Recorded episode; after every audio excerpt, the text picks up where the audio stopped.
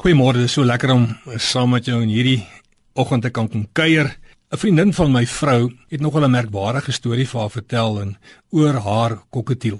En uh, my vrou kom huis toe en sy vertel my van die kokketiel wat so praat as jy enigiets so voor hom op en af beweeg, dan raak die voeltjie so opgewonde en sê: "Die Here is my herder, die Here is my herder."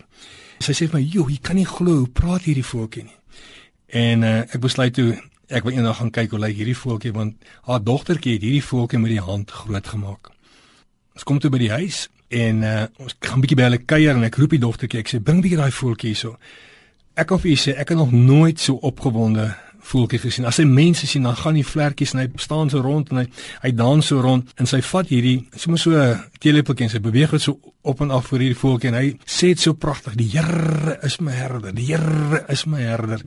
En ek sê vir wow, hierdie goed moet jy die mense kan sien. En toe vertel die ma hierdie besondere storie.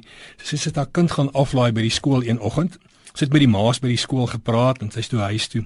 En toe sy by die huis kom, sy die voordeur oopmaak toe lê die krokodil ook onderste bo. Dis net water en saad en sy kry nie die krokodil nie. En hier kom die Jack Russeltjie verbygestap en het 'n veertjie in sy bek. En sy sak op haar knie en sy begin huil en sê: "Here, wat gaan ek vir my kind sê?" Hierdie Jack Russell het hierdie voeltjie opgeëet en sy kry 'n lap en sy begin die saad in die water bymekaar kry, maar sy huil so en sy kan nie ophou huil nie.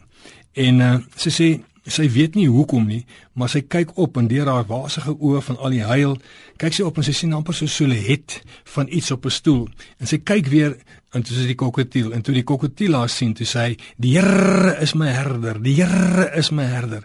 En ek wil hierdie dag vir julle sê, die Here is jou herder. In 2 Konings 6 lees ons van hoe Elisa vir die koning van Israel gesê het: "Julle moenie daarna toe beweeg nie, want die Almeers gaan julle aanval."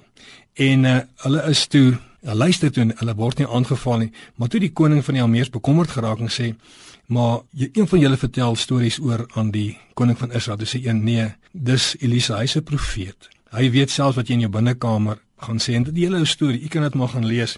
Maar die mooi gedeelte is Elisa se slaaf word hy een oggend wakker en toe hy wakker word, toe sien hy hulle is omsingel, omsingel deur hierdie almeers en hy sê Elisa, "Wat gaan ons doen?" En wat doen Elisa? Hy sê, "Here, open sy oë."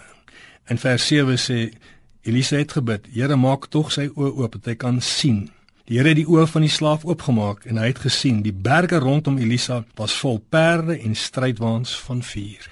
En dis hoekom ons moet altyd onthou, die Here is ons herder. Mag die Here jou seën in hierdie dag en hierdie week. Tot 'n volgende keer. Totsiens.